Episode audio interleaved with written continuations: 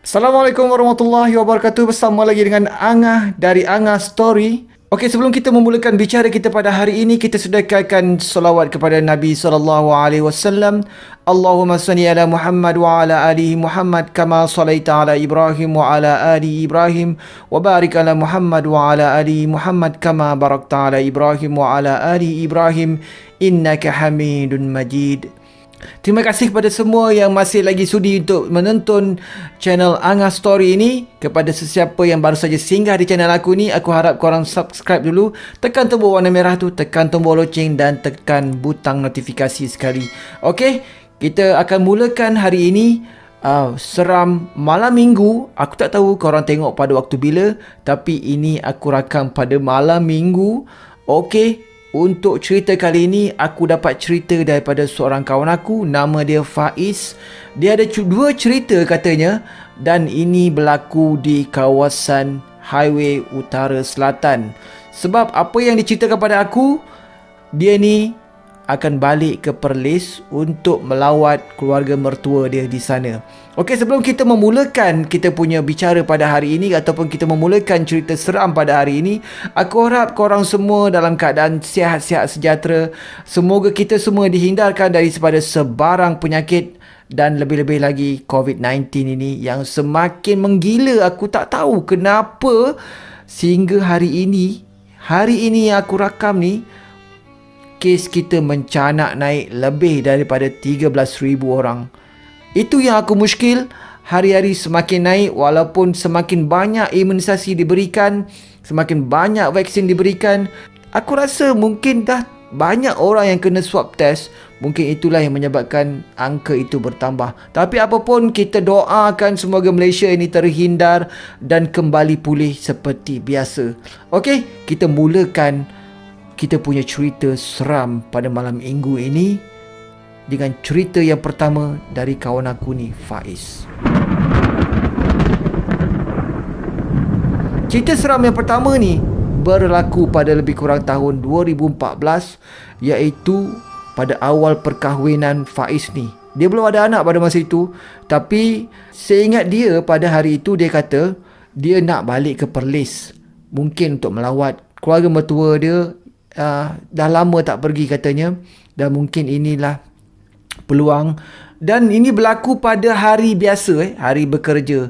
So hari tu lepas daripada uh, kerja dia ni uh, ada masalah sikit kawan aku ni.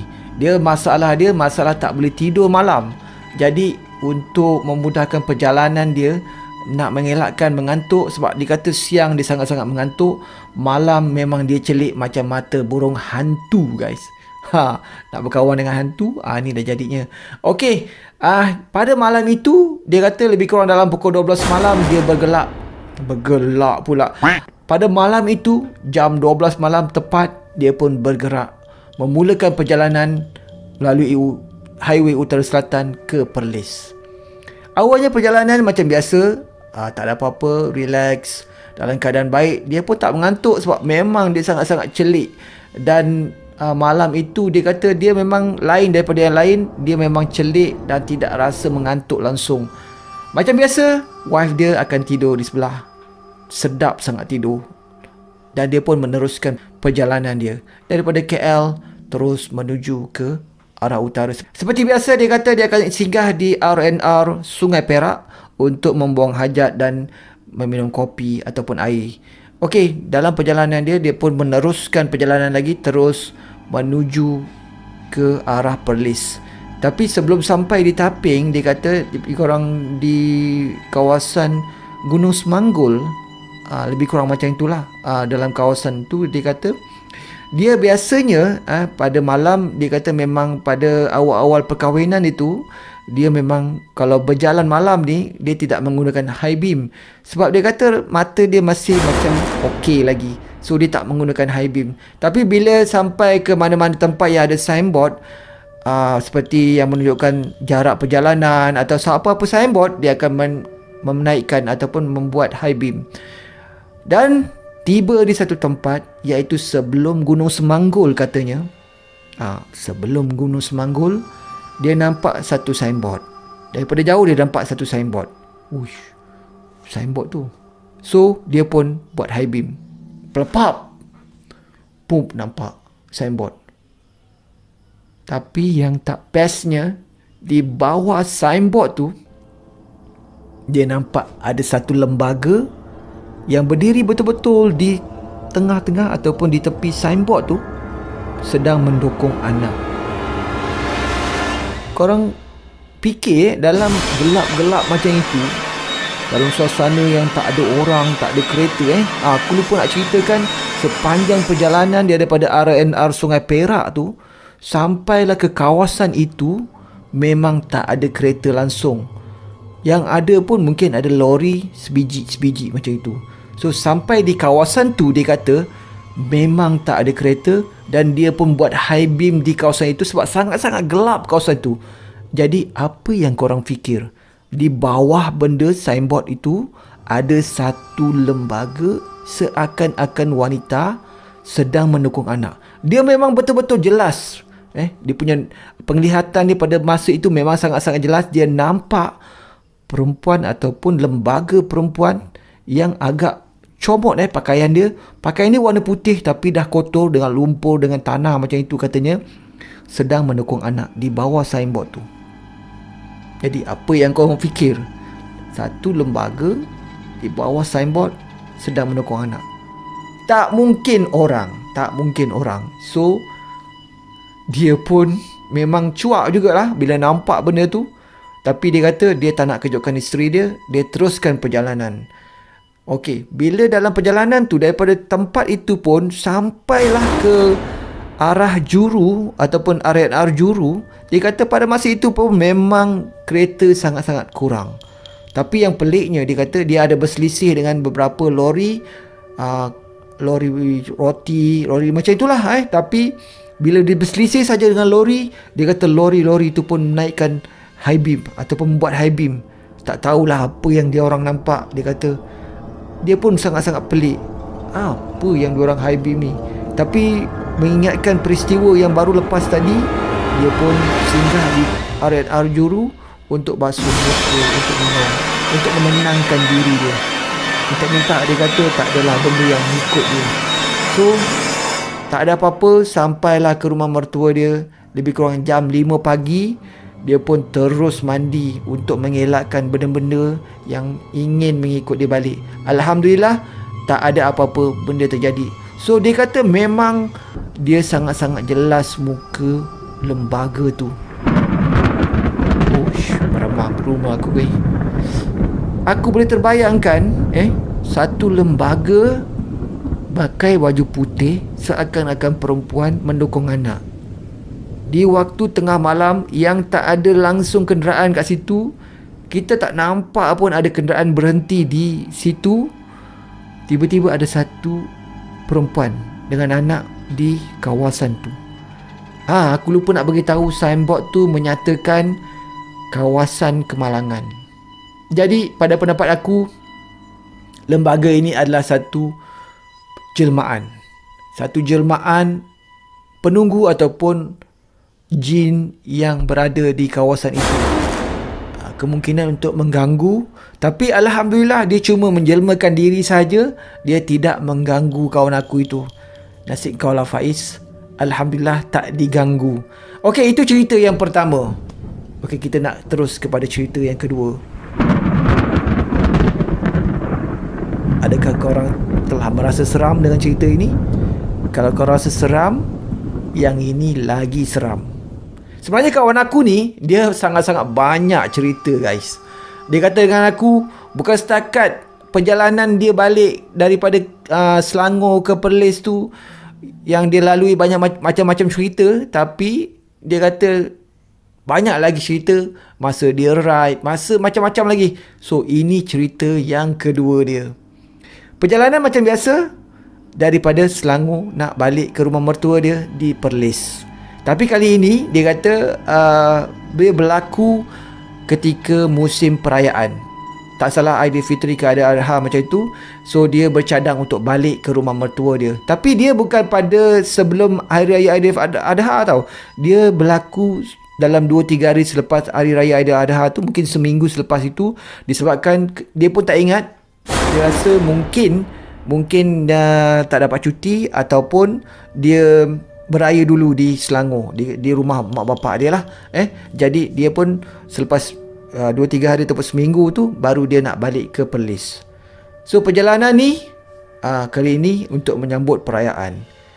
Dia berlaku juga di highway utara selatan. Kalau korang nak tahu highway ni macam-macam cerita Bukan setakat highway utara selatan je. Semua highway di Malaysia ni disebabkan dipotong dengan uh, hutan, dipotong jalan, gunung dan sebagainya. Maka kawasan-kawasan tersebut memang sangat-sangat berpenunggu ataupun banyak sangat uh, penghuni kat situ. Okey, kita pendekkan cerita. Perjalanan ni macam biasa, dia akan mulakan perjalanan pada pukul 12 malam. Ya, pada masa ini orang semua sedang lena di ulit intan. Ataupun sedang lena di buai mimpi. Tapi member aku ni dia celik. Ya, dia memang macam burung hantu. Malam dia celik siang dia tidur. Ha, macam itu. So malam ini dia bergerak pada pukul 12 malam. Perjalanan macam biasa. Daripada uh, Selangor masuk KL masuk highway terus ke ut- Raya Utara Selatan tu dia macam biasa akan singgah di RNR Sungai Perak untuk melepaskan hajat, basuh muka, minum air dan sebagainya. Baru dia bergerak uh, terus untuk ke uh, utara lah. Eh, untuk ke utara. So, pada malam itu, dia kata, lepas dia bergerak daripada RNR uh, Sungai Perak tu, macam biasa, tak ada apa-apa sampai di Gurun. Sampai di Gurun, dia kata kawasan ni memang sangat-sangat gelap sangat-sangat menakutkan lah pada dia lah. Di kawasan ini kata dia sebabkan dia punya jalan tu sangat-sangat panjang sangat-sangat membosankan. Disebabkan kawasan tu semua sawah padi guys. Kiri kanan sawah padi dia kata memang perjalanan tu sangat-sangat membosankan sangat-sangat menyerangkan dan menakutkan. Sebab sawah padi ni kalau waktu siang memang cantik. Eh menghijau. Ha, macam-macam kita boleh nampak. Tapi bila waktu malam tak ada lampu pun kat situ. Kawasan tu memang tak ada lampu. So, memang sangat-sangat gelap. Suasana dia memang hening eh, macam itu. Mas, pada masa itu, tak ada kereta langsung. Daripada kawasan gurun tu uh, hingga ke Alostar dia kata. Memang kawasan itu sangat gelap, sangat sunyi. Tak ada kenderaan. Jadi, dia pun meneruskan perjalanan pada malam itu. Bawa kereta. Macam biasa, bini dia tu bila dia gerak saja pukul 12 memang ngorok kat sebelah. Tidurlah eh. Amboi bini aku ni. Sedap betul dia tidur. Ah tak apalah. Aku teruskan perjalanan. So teruskan perjalanan. Memang dia kata dia pun tak tahu nak buat apa. Dia pun dengarlah muzik dengan lagu kegemaran dia eh. Pum pum pum pum pum pum. Terus perjalanan dia tu dia sampai sebelum Gunung Semanggul dia kata. Kat situ dia ada satu uh, flyover. Dia akan naik flyover tu. Jadi sebelum dia naik flyover tu, dia kata kawasan kiri kanan dia memang ada tanaman ataupun ada pokok-pokok jati. Seperti biasa highway ni memang banyak sangat pokok-pokok jati ditanam. Dia pun pelik. Tapi pokok-pokok jati kat situ memang dah subur, dah, dah tumbuh besar eh. Jadi sebelum dia naik flyover tu, pokok-pokok jati ni memang kiri kanan dia nampak lah eh. Jadi dia high beam. Pup, pup, Ha, jadi kawasan tu memang sangat-sangat gelap, sangat-sangat sunyi. Tiba-tiba dia nampak dia nampak apa tau? Daripada satu pokok jati tu, dia nampak lembaga yang memakai pakaian putih di atas pokok jati tu. Dari jauh dia nampak dah. So bila dia sampai ke kawasan itu, dia betul-betul berdekatan dengan pokok yang ada lembaga putih tu, lembaga putih itu terbang di depan dia. Sas. Sambil terbang tu, lembaga itu telah memperlihatkan muka dia berdekatan dengan kereta dia. Betul-betul di depan windscreen cermin kereta dia tu, lembaga dia terbang.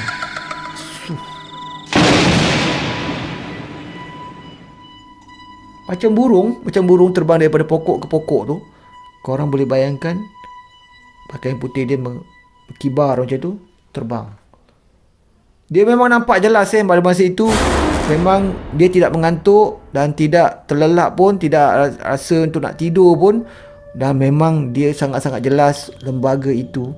Uh, aku tak tahu lembaga itu ada orang panggil uh, macam uh, Pontianak macam itu. Cik Ponti. Tapi memang jelas dia lembaga itu terbang daripada pokok jati yang sebelah jalan sana dari kanan ke sebelah jalan di kiri. Betul-betul di hadapan kereta dia jadi bila lembaga tu lepas saja daripada kereta dia jadi memang selamba je lah kan nak buat macam mana kan. Tiba-tiba dia dengar suara perempuan. Jeng jeng Rupanya bini dia bangun guys. Apa dia kata? Bini dia tanya. You Apa benda tu you? Ah Macam itulah lebih kurang. Tak ada apa lah dia kata. So dia pun meneruskan perjalanan Dia pun pelik eh. Kenapa? Tiba-tiba dia bini dia boleh bangun. Sedangkan tadi Punyalah shock tidur. Dia buai mimpi Dia buai uh, Tak tahu sampai ke mana dah. Tiba-tiba bini dia bangun. So dia tanyalah You kenapa bangun? Eh tadi tidur. So bini dia kata apa tau? Hari tadi ada macam orang cuit-cuit dia kata dia. Ah, Suruh bangun. Ayat kan you yang cuit I Eh tak adalah kata dia. Rupanya Dia terbangun untuk ditunjukkan benda tu. So bini dia sebenarnya nampak eh. Benda tu terbang juga.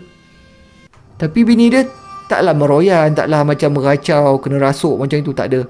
So bini dia pun diam Dia pun diam. Teruskan perjalanan sampailah ke rumah mertua dia di uh, Perlis sana. Nak jadikan cerita, bini dia ni esoknya demam guys. Sebabkan nampak benda tu. Ini uh, bukan cerita main-main, ini cerita benar daripada uh, kawan aku tu.